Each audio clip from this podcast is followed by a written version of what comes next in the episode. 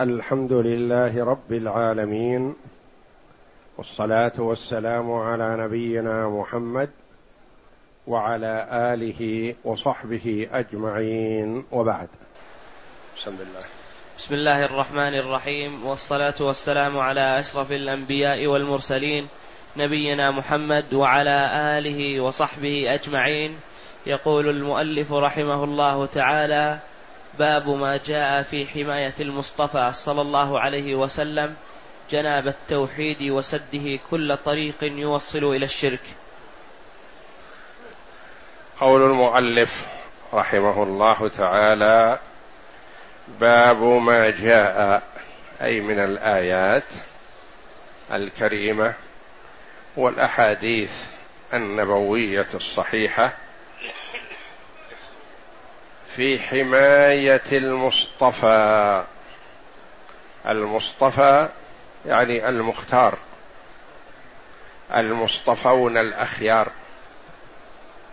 والمراد به الرسول صلى الله عليه وسلم. فهو أفضل المصطفين عليه الصلاة والسلام. والله جل وعلا يصطفي ويختار من شاء من بني آدم وهم متفاوتون فأفضلهم أولو العزم من الرسل وأفضل أولو العزم من الرسل محمد صلى الله عليه وسلم.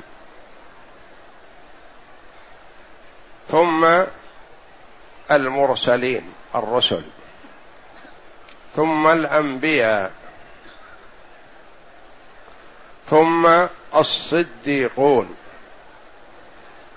ثم الشهداء. ثم الصالحون.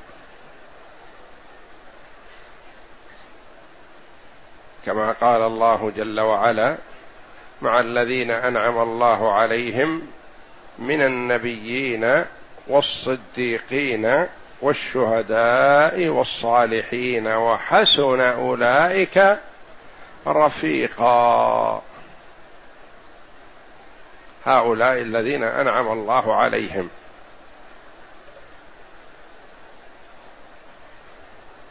جناب التوحيد. حفظ صلى الله عليه وسلم التوحيد من أن يدخله شيء يجرحه لأنه بحسب توحيد المرء وإخلاصه لله جل وعلا تكون منزلته عند الله. وتحقيق التوحيد مطلب نفيس. تحقيق التوحيد مطلب نفيس. فقد يكون مع المرء شيء يخدشه ويجرحه ولا يزيله بالكلية. وقد يكون معه ما ينافي التوحيد يعني يزيل التوحيد بالكلية الذي هو الشرك.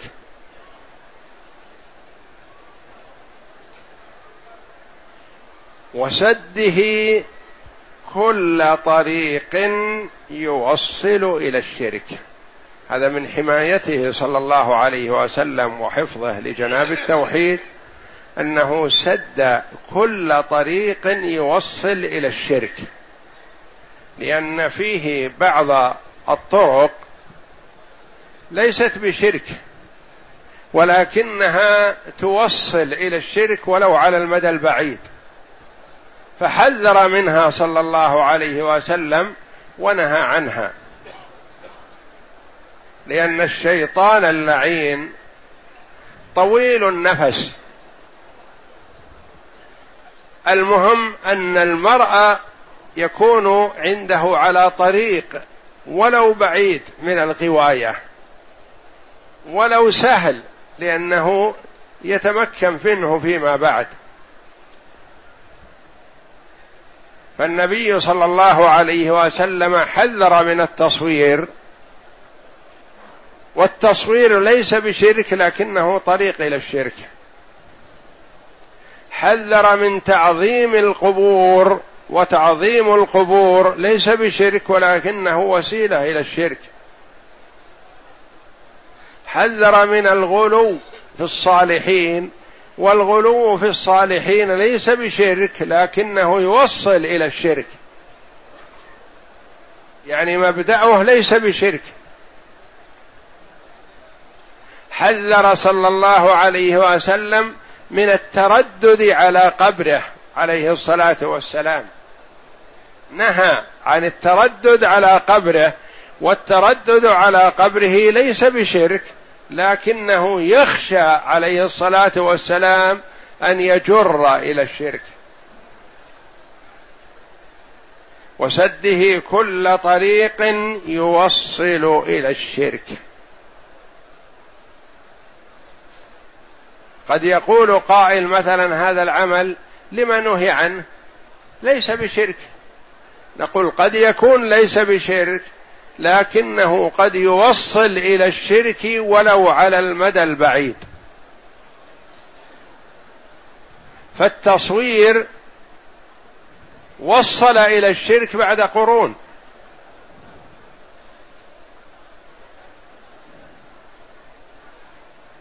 رفع القبور وبنايتها ونحو ذلك هذا ليس بشرك. لكنه يوصل إلى الشرك ولو على المدى البعيد. فليحذر المسلم كل ما نهى عنه الرسول صلى الله عليه وسلم لأنه لا ينهى عن شيء إلا والمضرة فيه محققة عاجلا أو اجلا. وليحرص على الأخذ بسنة رسول الله صلى الله عليه وسلم لأنها وسيلة السعادة الأبدية في الدنيا والآخرة.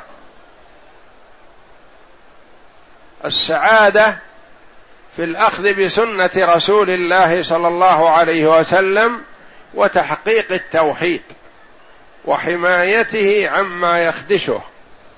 حتى وإن كان المرء فقير وإن كان مريض وإن كان مضطهد وإن كان مؤذى في الدنيا فهذا قد يكون خير له. رفع له في الدار الآخرة. السعادة الأبدية الحقيقية في طاعة الله جل وعلا. الرسول صلى الله عليه وسلم أسعد الخلق. ويبيت الليالي طاويا من الجوع.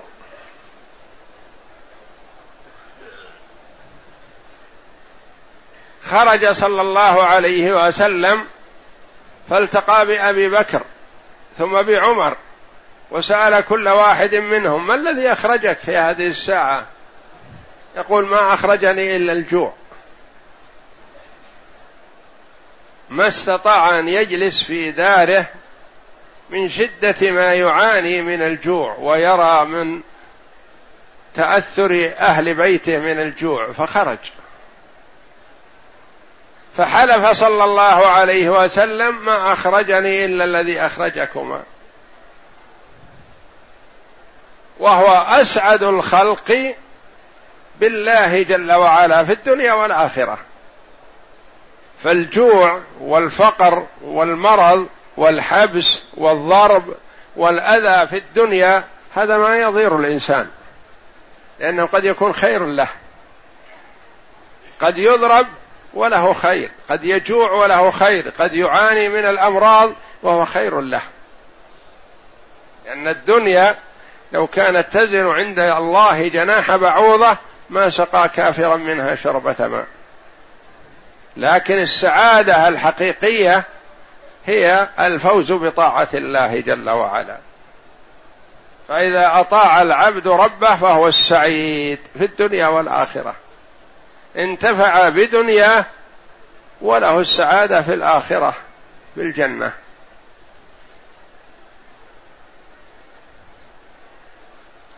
فهو عليه الصلاة والسلام من نصحه للأمة وشفقته عليهم ما ذهل عن النصح لهم وهو في سكرات الموت. ويقسم إي والله إن للموت لسكرات. يعاني شدة ويوصي أمه أمته بالاستقامة على طاعة الله والبعد عما يضرهم وأن لا يعظموا لا قبره ولا قبر غيره عليه الصلاة والسلام.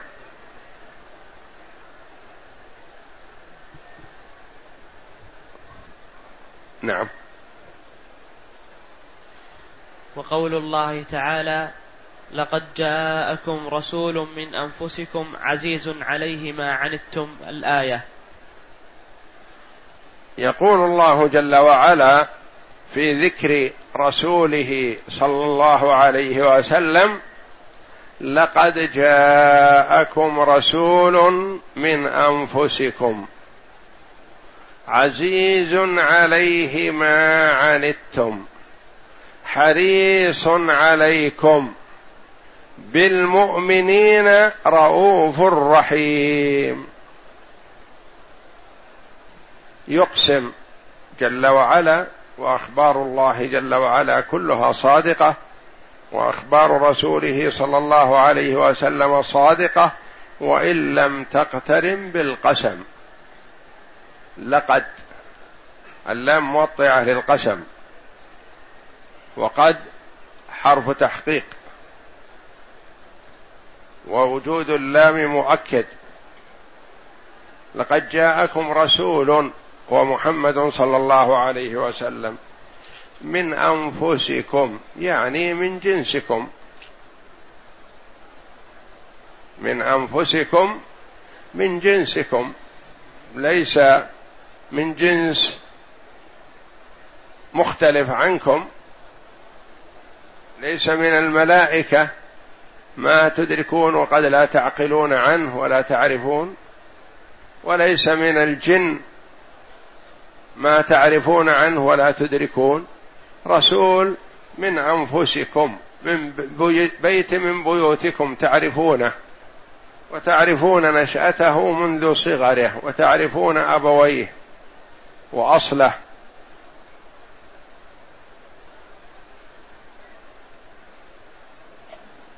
ولم يقل من جماعتكم تقريبا له صلى الله عليه وسلم من أنفسكم كأنه بضعة منكم كأنه وصلة منكم. رسولا من أنفسكم ما قال من قومكم منكم أنتم يعني من أنفسكم. عزيز عليه ما عنتم. صعب عزيز بمعنى صعب. عليه ما عنتم يعني ما يشق عليكم. الذي يشق عليكم صعب عليه عليه الصلاة والسلام. يحب لكم اليسر والسهولة. ما خير بين أمرين إلا اختار أيسرهما ما لم يكن إثما عليه الصلاة والسلام. يحب أن يعمل العمل عليه الصلاة والسلام ويخشى أن يشق على أمته فيه فيتركه. قام في رمضان عليه الصلاة والسلام فصلى بصلاته أناس ليس بكثر. وفي الليلة الثانية تعالموا فزادوا وفي الليلة الثالثة أو الرابعة ما خرج عليهم عليه الصلاة والسلام. فلما صلى بهم صلاة الفجر قال أما إنه لم يخف علي مقامكم. علمت عن مجيئكم تحريا للصلاة معي. فما خرجت لكم. ما خرجت إليكم وليس غفلة مني أو لم أعلم عنكم ولكني خشيت أن تفرض عليكم فتعجزوا عنها.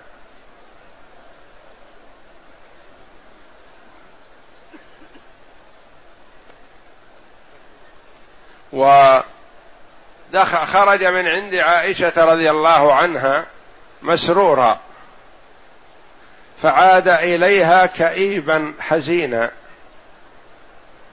فقالت ما لك يا رسول الله؟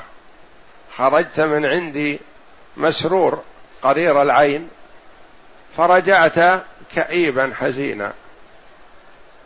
قال إني دخلت الكعبة وإني خشيت أني حرجت أمتي.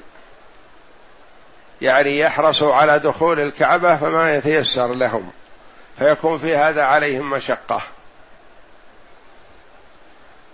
وأحب السواك لما فيه من الصفات وما فيه له من الآثار الحميدة. ورغب فيه صلى الله عليه وسلم وأكد الترغيب لكنه ما فرضه على الأمة خشية المشقة. لولا أن أشق على أمتي لأمرتهم بالسواك عند كل صلاة وعند كل وضوء. وقال السواك مطهرة للفم مرضاة للرب. فرغب في السواك ولم يؤكد الأمر عليه الصلاة والسلام مع محبته لذلك خشية أن يشق على الأمة عليه الصلاة والسلام.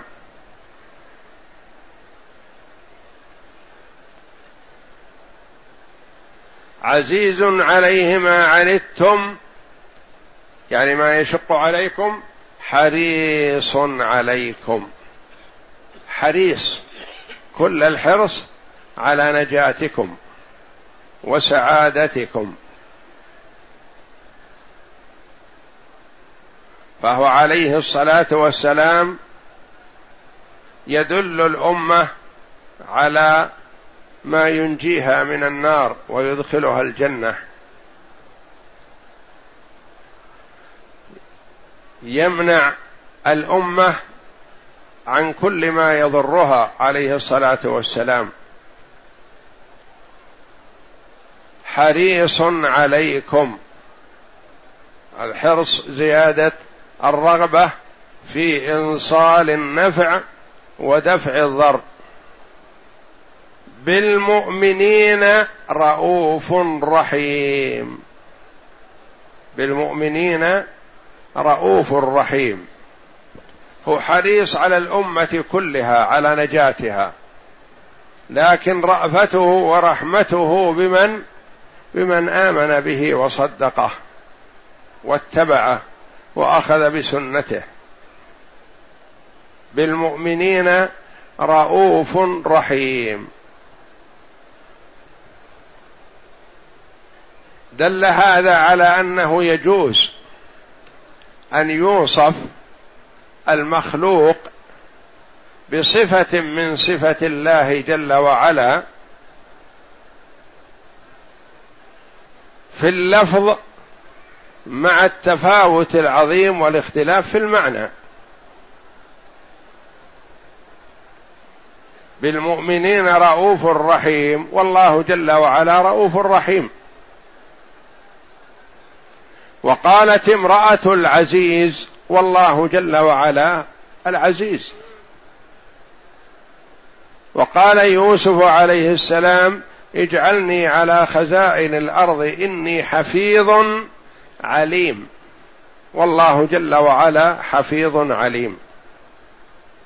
لكن ليست صفة المخلوق كصفة الخالق جل وعلا.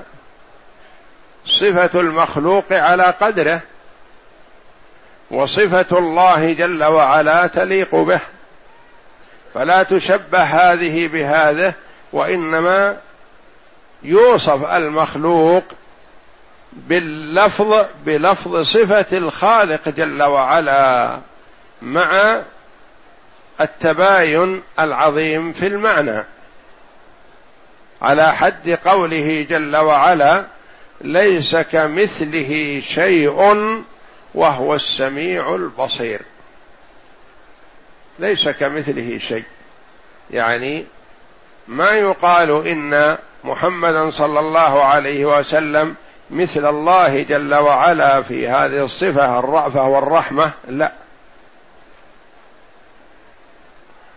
ولا يقال إن حفظ يوسف وعلمه كحفظ الله جل وعلا وعلمه. لا.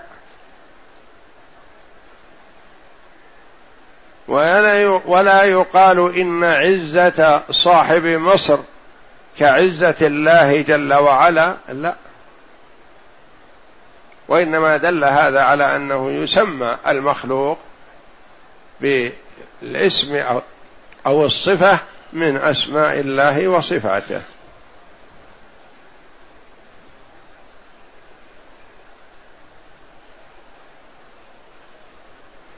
حريص عليكم بالمؤمنين رؤوف رحيم. هذا ثناء من الله جل وعلا على رسوله محمد صلى الله عليه وسلم. يثني عليه ليظهر شرفه وفضله للأمة وأن السعادة باتباعه عليه الصلاة والسلام. نعم.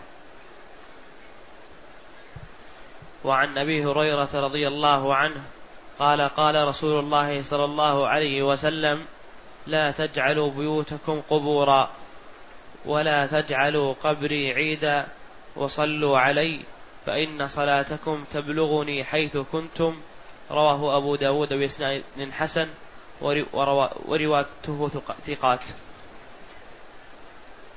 عن أبي هريرة رضي الله عنه الصحابي الجليل المكثر من حفظ حديث رسول الله صلى الله عليه وسلم لأنه لازم النبي صلى الله عليه وسلم ولم يشتغل بتجارة ولا بحرث ولا بأي عمل عن ملازمة النبي صلى الله عليه وسلم فكان حظه من الحديث وافر رضي الله عنه. وحفظ الكثير من أحاديث رسول الله صلى الله عليه وسلم فبلغها للتابعين والتابعون رووها لمن بعدهم. قال قال رسول الله صلى الله عليه وسلم لا تجعلوا بيوتكم قبورا. لا تجعلوا بيوتكم قبورا إيش معنى هذا؟ يوضح هذا ما جاء بعده. ولا تجعلوا قبري عيدا وصلوا علي. لا تجعلوا بيوتكم قبورا لا تحرموا بيوتكم من الصلاة. لا تحرموا بيوتكم من قراءة القرآن. لا تحرموا بيوتكم من الدعاء والتضرع إلى الله جل وعلا. لا تجعلوها بمثابة القبور. القبور ما خصصت لذكر الله ولا للدعاء ولا للصلاة ولا لقراءة القرآن وإنما هي مساكن الأموات.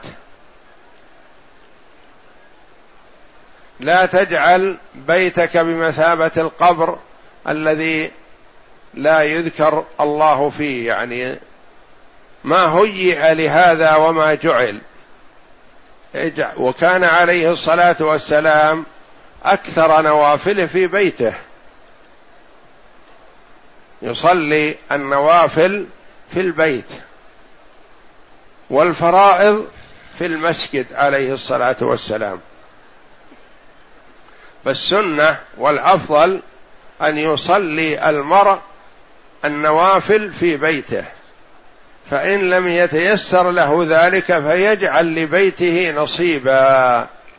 إذا دخل بيته يصلي ما تيسر له.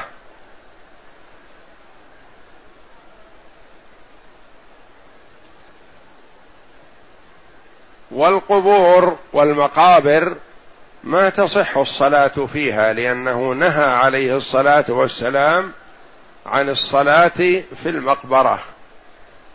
لأن هذا وسيلة إلى الشرك. ولو على المدى البعيد. الصلاة في المقبرة لوجه الله تعالى ليس بشرك. لكنه وسيلة يوصل إلى الشرك. كيف هذا؟ قد يصلي الرجل الصالح مثلا في المقبرة لوجه الله تعالى فيراه الآخر الجاهل فيقول ما صلى إلا تبركا بالأموات. ثم يأتي من هو أجهل منه فيما بعد فيقول ما صلى إلا للأموات. والصلاة في المقبرة وسيلة إلى الشرك. فلذا نهى عنها عليه الصلاة والسلام وقال لا تجعل بيتك بمثابة المقبرة التي لا يصلى فيها. ولا تجعلوا قبري عيدا. العيد ما يعود ويتكرر. عيد الفطر يعود في كل سنة. عيد الأضحى يعود في كل سنة. والأعياد نوعان.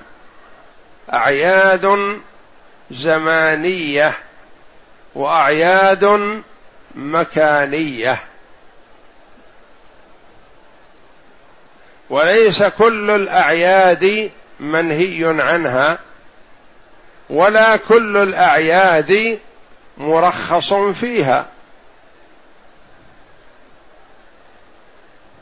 أعياد زمانية وأعياد مكانية. أعياد شرعية وأعياد بدعية.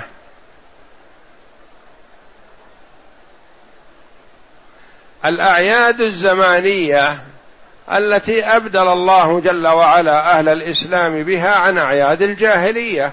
عيد الإضحى وعيد الفطر. هذه زمانية تتكرر في كل سنة. والجمعة عيد الأسبوع. ولهذا نهي عن إفرادها بالصيام.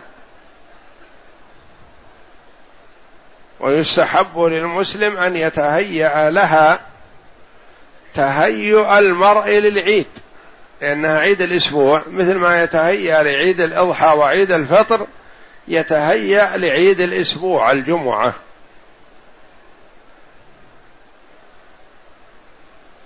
وأعياد مكانية. الأعياد المكانية هذه البقعة المشرفة التي نحن فيها المسجد الحرام عيد مكاني نجتمع فيه على طاعة الله إن شاء الله. ويستمر الاجتماع فيه دائما على الطاعة. عيد مكاني يتكرر. ومثل المشاعر. منى في اليوم الثامن من ذي الحجة واليوم العاشر والحادي عشر والثاني عشر والثالث عشر لمن لم يتعجل. عيد مكاني. نجتمع فيه لأداء شعيرة من شعائر الإسلام. عرفة. عيد مكاني. نجتمع فيه في السنة مرة يوم عرفة. مزدلفة. عيد مكاني. نجتمع فيه ليلة عيد النحر. في الحج. هذه أعياد مكانية. هذه مشروعة. هذه الأعياد الزمنية والأعياد المكانية مشروعة. أعياد زمانية اتخذها جاهليون أو من يقلدونهم مثل رأس السنة الهجرية رأس السنة الميلادية. السابع والعشرين من شهر رجب. كذا. من الأيام والليالي التي لم يرد في تفضيلها شيء عن المعصوم صلى الله عليه وسلم.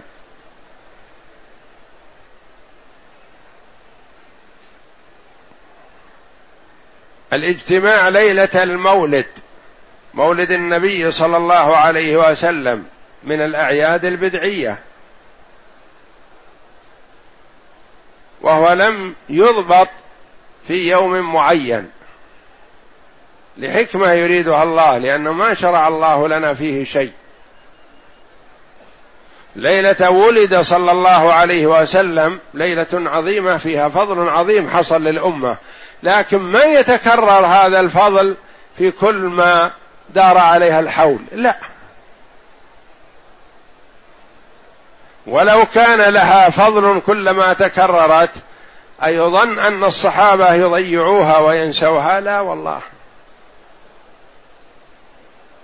ما اتفق العلماء على ليلة معينة أو يوم معين ولد فيه النبي صلى الله عليه وسلم. ولا اتفق العلماء رحمهم الله على يوم معين أو ليلة معينة أسري برسول الله صلى الله عليه وسلم فيها من المسجد الحرام إلى المسجد الأقصى. الإسراء ثابت في الكتاب والسنة ولا مجال للشك فيه. لكن متى؟ في رجب في شعبان في ربيع الله أعلم. واختلاف الناس في تحديده أنه لا ميزة لليلة المتكررة من ليلة الاسراء ليلة الاسراء حصل فيها فضل عظيم للنبي صلى الله عليه وسلم ولأمته وفرض الصلاة. لكن المتكررة منها مثل الليالي ما لها فضل. ليلة ولادته صلى الله عليه وسلم ليلة عظيمة فيها فضل عظيم حصل لهذه الأمة بمولد النبي صلى الله عليه وسلم. لكن المتكررة منها ما فيها فضل مثل غيره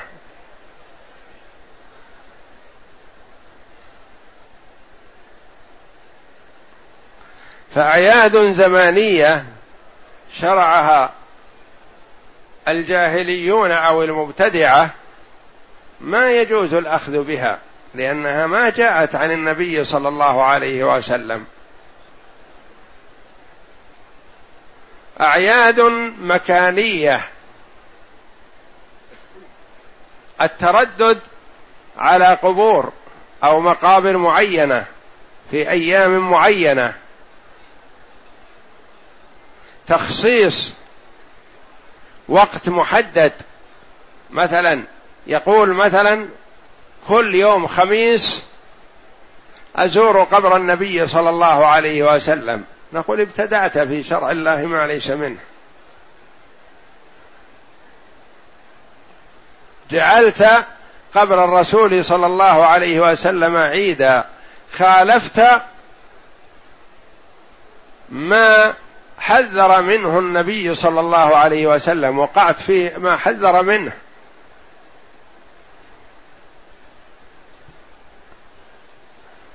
فالأعياد الزمانية والمكانية المشروعة هذه يجتمع فيها الناس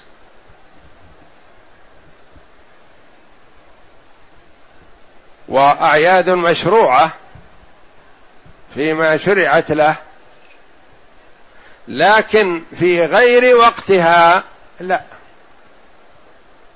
أو أن شخصا أراد أن يقف في عرفة في اليوم العاشر من رجب أو العاشر من ذي القعدة أو التاسع من شهر كذا قلنا هذا بدعة محرم ولا يجوز لك. لكن في اليوم التاسع من ذي الحجة نعم هذا عيد وهذا مشروع.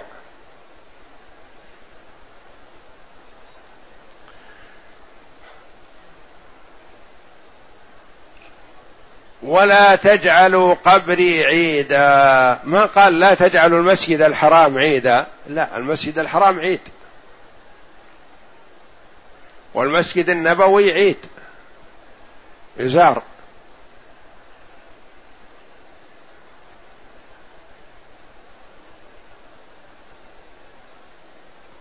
لا تجعلوا قبري عيدا. يعني لا تترددوا على قبري. كلما تكرر الأمر الأسبوع أو اليوم أو الشهر أو نحو ذلك. وما يغلق صلى الله عليه وسلم بابا من الأبواب إلا ويفتح للأمة ما هو خير لها.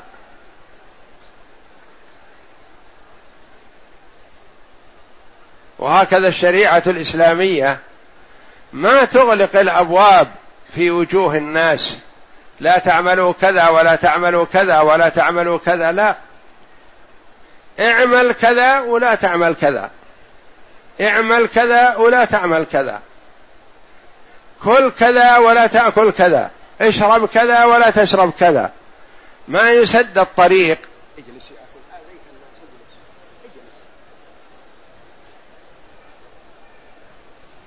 اجلس اجلس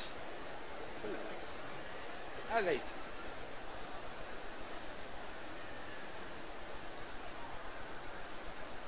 لا تجعلوا قبري عيدا وصلوا علي. فإن صلاتكم تبلغني حيث كنتم. الحمد لله. صلوا علي. الصلاة على الرسول صلى الله عليه وسلم قربة وفيها ثواب عظيم. ومن صلى على النبي صلى الله عليه وسلم مرة صلى الله عليه بها عشرا. وصلاة الله جل وعلا على عبده ليست كصلاة المرء على الرسول صلى الله عليه وسلم. صلوا علي فإن صلاتكم تبلغني حيث كنتم. لا تأتوا إلى قبري وصلوا علي. لا تشرب الخمر واشرب الطيب الماء الطيب والعصير الطيب والعسل والشاهي والقهوة وغير ذلك مما أحل الله لك. احذر الزنا ووسائله ولا تقربه واحرص على النكاح والزواج. لا تتعامل بالربا وتعامل بالبيع المشروع. أحل الله البيع وحرم الربا.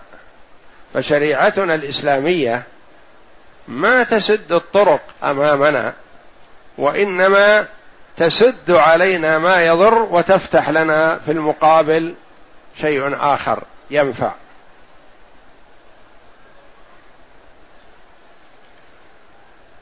لا تأكل الميتة وكل المذبوح مما أحل الله. الميتة إن حبس فيها دمها وصارت ضارة مهلكة. لا تأكلها. وما ذبح على اسم الله فكل.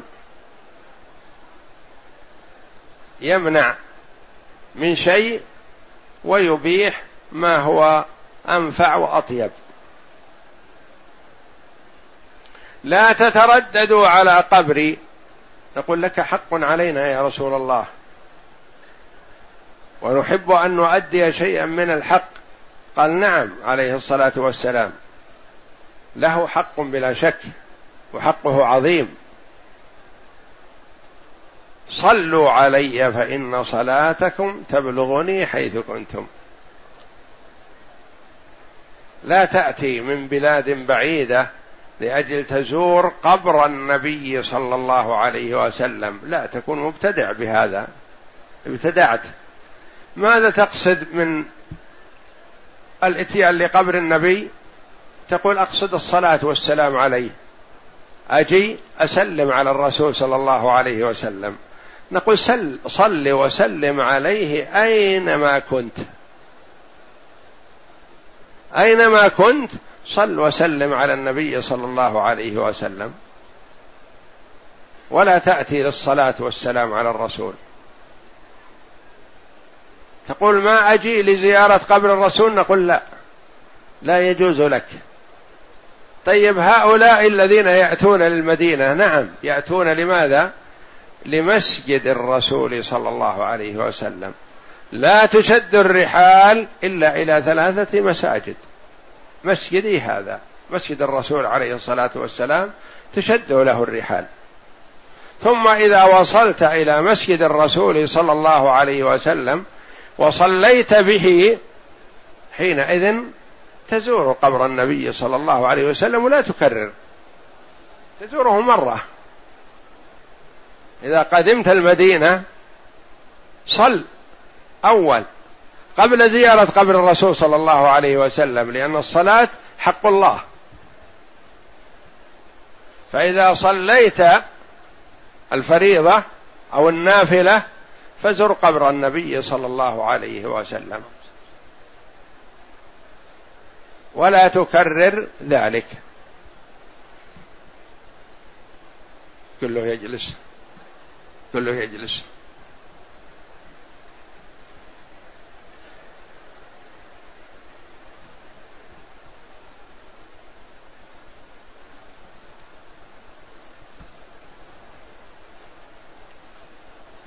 وصلوا علي فإن صلاتكم تبلغني حيث كنتم. من كان في المدينة ومن كان في مكة ومن كان في الشام وفي مصر في باكستان في أي مكان من بقاع العالم بلاد المسلمين بلاد الكفار لأن البلاد كلها أرض الله جل وعلا. يصلي على النبي صلى الله عليه وسلم في أي جهة من جهات العالم تبلغ النبي صلى الله عليه وسلم. ويكتب له ثوابها والقريب والبعيد سواء.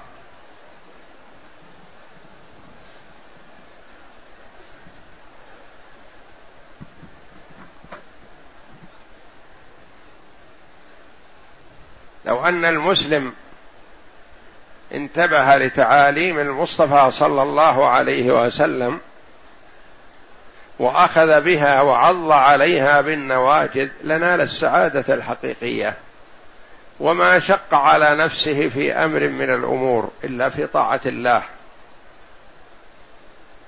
صلوا علي فإن صلاتكم تبلغني حيث كنتم.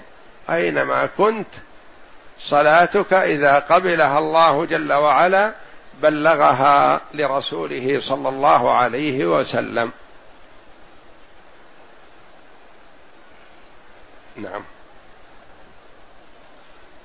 وعن علي بن الحسين أنه رأى رجلا يجيء إلى فرجة كانت عند قبر النبي صلى الله عليه وسلم فيدخل فيها فيدعو فنهاه. وقال ألا أحدثكم حديثا سمعته من أبي عن جدي عن رسول الله صلى الله عليه وسلم قال لا تتخذوا قبري عيدا ولا بيوتكم قبورا فإن تسليمكم يبلغني أينما كنتم. رواه في, رواه في المختارة. عن علي بن الحسين ابن علي ابن أبي طالب رضي الله عنهم. علي ابن الحسين ابن علي بن أبي طالب. هذا يلقب بزين العابدين رحمه الله ورضي عنه. زين العابدين هذا يقال عنه أنه أفضل أهل بيته من التابعين. لأنه تابعي. هذا ما أدرك النبي عليه الصلاة والسلام. هذا أبوه الحسين والنبي صلى الله عليه وسلم توفي والحسين رضي الله عنه صغير شاب. يسمى زين العابدين لصلاحه وعبادته رضي الله عنه ورحمه.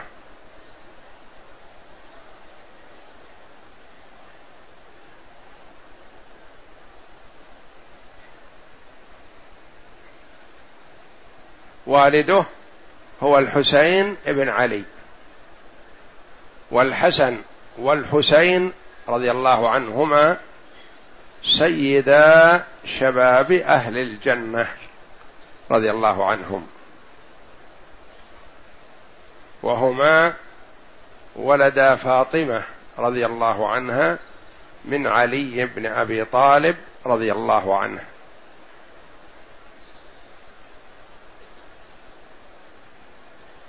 رأى رجلا يجيء إلى فرجة كانت عند قبر النبي صلى الله عليه وسلم فيدخل فيها فيدعو.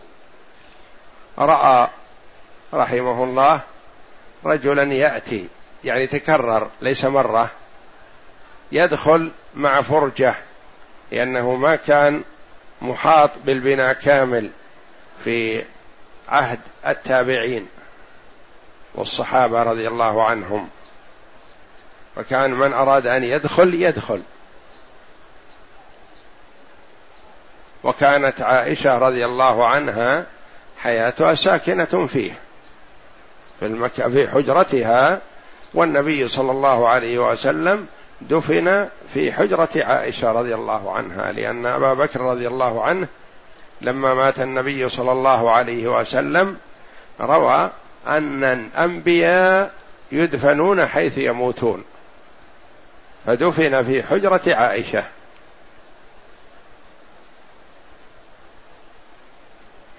رأى هذا الرجل يأتي إلى هذه الفرجة ويدخل ويدعو الله عند قبر النبي صلى الله عليه وسلم.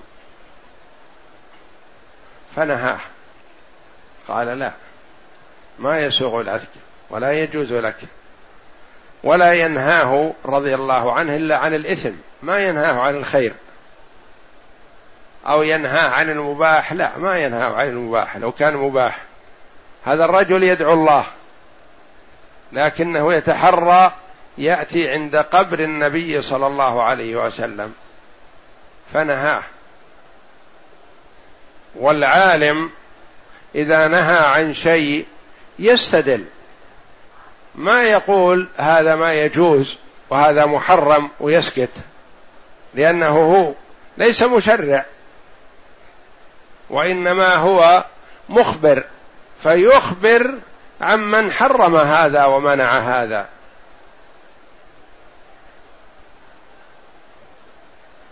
فنهاه رضي الله عنه قال لا تفعل هذا لا تتردد على قبر النبي صلى الله عليه وسلم.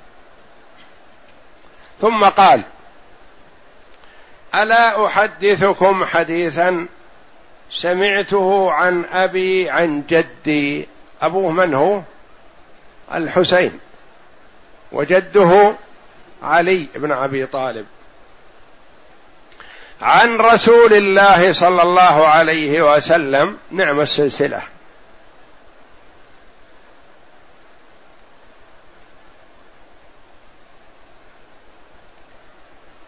علي ابن الحسين ابن علي بن أبي طالب عن النبي صلى الله عليه وسلم قال لا تتخذوا قبري عيدا. يعني لا تترددوا على قبري. لا تجعلوه بمثابة ترددكم على العيد ترددكم على المسجد. أو ترددكم على المسجد الحرام أو ترددكم على عرفة أو ترددكم على مزدلفة أو على منى. لا تجعلوا هذا. لا تجعلوا قبري عيدا ولا بيوتكم قبورا. لا تقصد القبر لتدعو أو تصلي وإنما في بيتك. غير الفريضة. إذا أردت أن تدعو فادعو الله سرا في بيتك. تصلي نافلة صل في بيتك. حتى لا يدخلك شيء من نظر الناس. لا يقع في خاطرك إن فلان يراك يمدحك أو يثني عليك. فتكون مرائي. ولا بيوتكم قبورا. لا تجعلوا بيوتكم بمثابة القبور. لا تصلوا فيها صلوا فيها. أكثر من الصلاة في بيتك. صل في بيتك صلاة الضحى. صل الراتبه قبل الظهر وبعدها إذا تيسر لك ذلك ولم تخش من النسيان. صل في بيتك. المغرب وبعد المغرب. صل في بيتك العشاء قبل العشاء وبعد العشاء وصل الفريضة في المسجد. وصل في بيتك من صلاة العشاء إلى طلوع الفجر. كل هذا وقت لقيام الليل وصلاة الليل. تقول عائشة رضي الله عنها من كل الليل أوتر رسول الله صلى الله عليه وسلم من أوله وأوسطه وآخره وانتهى وتره إلى السحر. إذا دخلت بيتك بعد العشاء فصل ما تيسر. ركعتين أو أكثر. وإذا خشيت الا تقوم آخر الليل للوتر فصل ما تيسر وأوتر. إذا تأخرت في النوم أو استيقظت منتصف الليل صل. وإذا خشيت ألا تقوم آخر الليل فأوتر منتصف الليل. إذا وثقت من نفسك القيام آخر الليل فصل ما تيسر أول الليل واجعل الوتر في آخر الليل. قبيل صلاة الفجر. أفضل ما يكون قبيل صلاة الفجر قبيل الأذان.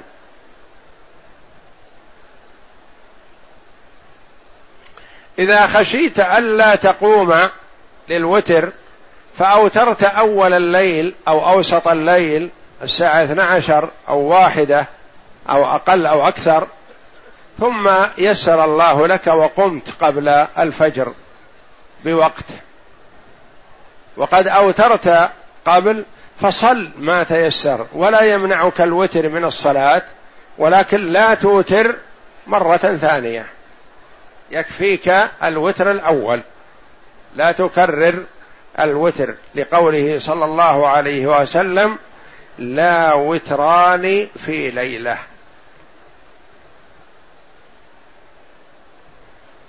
ولا بيوتكم قبورا. اعمروها بالصلاه الشيطان ينفر ويخرج ويفر من البيت الذي تقرأ فيه سورة البقرة. بيت منور عامر بطاعة الله. ما يعلفه الشيطان ولا يجلس فيه. فتجد أهله في راحة وطمأنينة ومحبة ووفاق لأن ما عندهم شيطان. شيطان ما يألفهم.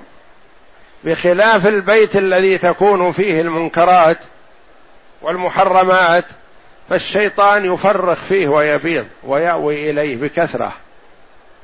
ولهذا يسيطر على أهله ويتلاعب بهم. بالوساوس والشكوك وإساءة الظن وغير ذلك من الأمور التي يوقعهم فيها. أما البيت الذي تقرأ فيه سورة البقرة يقرأ فيه القرآن يكرر فيه القرآن ليل نهار تجد الشيطان يفر منه ما يالفه فتجد أفراده متآلفين متحابين مقبلين متعاونين على طاعة الله غالبا. هذا هو الغالب وقد يوجد شيء من الخلاف لسبب من الأسباب.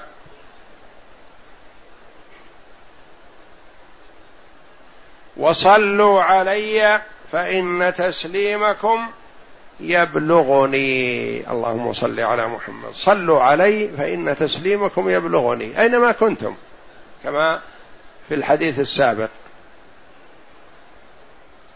حيثما كنتم صل وسلم على الرسول. عند دخولك المسجد قدم رجلك اليمنى وصل وسلم على النبي صلى الله عليه وسلم.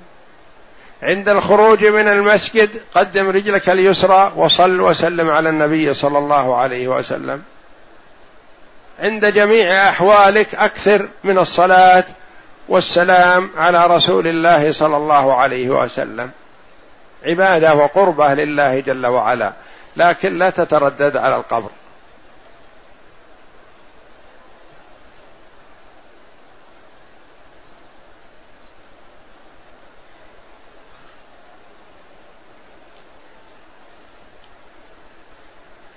قال سعيد بن منصور في سننه حدثنا عبد العزيز بن محمد أخبرني سهيل بن أبي سهيل يقول رآني الحسن بن علي بن الحسين بن علي ابن أبي طالب رضي الله عنهم عند قبر النبي صلى الله عليه وسلم فناداني رآني الحسن ابن علي ابن الحسين ابن زين العابدين سلسلة مباركة. المحدث الأول علي بن الحسين وهذا ابنه. الحسن ابن علي ابن الحسين ابن علي بن أبي طالب رضي الله عنهم. الحديث الأول عن الأب والحديث الثاني عن الابن. ذرية مباركة بعضها من بعض. رآني الحسن ابن علي ابن ابن الحسين ابن علي بن أبي طالب. عند قبر النبي صلى الله عليه وسلم. فناداني وهو في بيت فاطمة يتعشى. فاطمة تصير جدة أبيه. جدة أبيه. أبوه علي ابن الحسين. هو الحسن بن علي بن الحسين والحسين ابن فاطمة رضي الله عنهم. فقال هلم إلى العشاء. ما نهاه وزجره ولم يدعه. لا أول بدأه باللطافة ودعوته إلى العشاء. يقول تعال تعال تعش معي.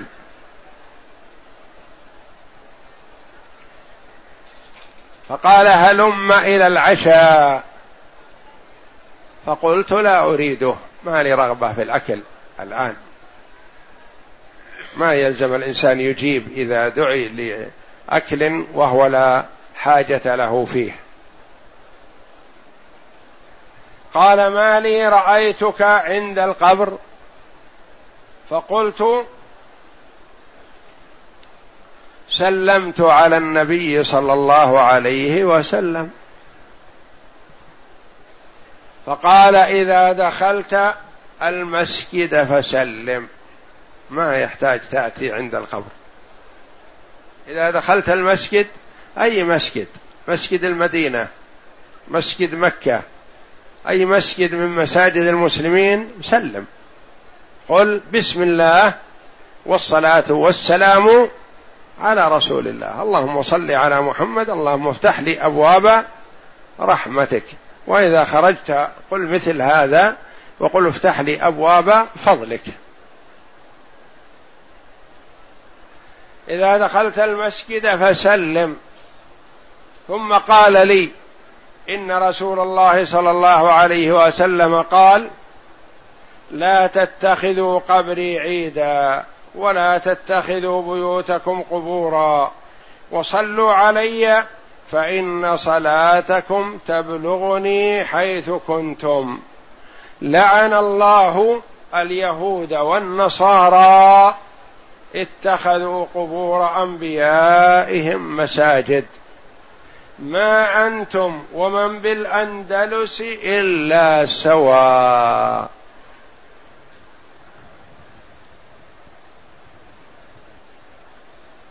لا تتخذوا قبري عيدا ولا بيوتكم قبورا. قبري لا تترددوا عليه. صلوا علي في أي مكان أنتم فيه.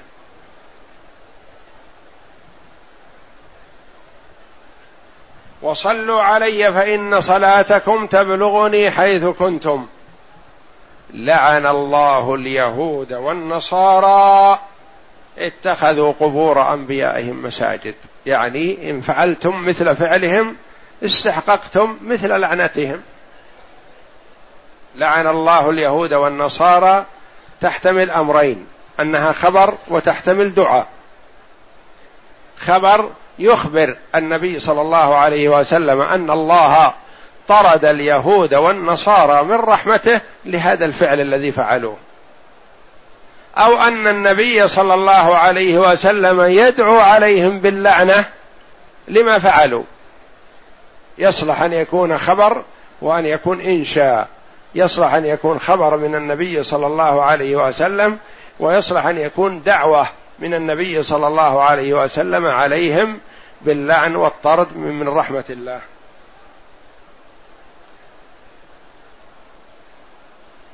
ما أنتم ومن بالأندلس إلا سواء. وهذه فيها معجزة من معجزاته صلى الله عليه وسلم. الأندلس في ذلك الوقت ما كان فيه مسلمين. وما كان فيه من يصلي على النبي صلى الله عليه وسلم.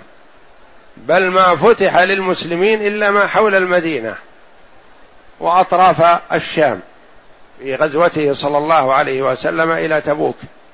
وبعدها توفي عليه الصلاة والسلام. كل شمال أفريقيا وأوروبا ما فيها مسلمين. ولكنه يخبر يقول أنتم يلي في المدينة واللي في الأندلس إذا أسلموا ودخل الإسلام فيها أنتم سواء في الصلاة والسلام على رسول الله صلى الله عليه وسلم. بعض الإخوة يأتي أحيانا يسأل يقول إن فلان وصاني من مصر أو من الشام. قال إذا وصلت المدينة سلم لي على الرسول.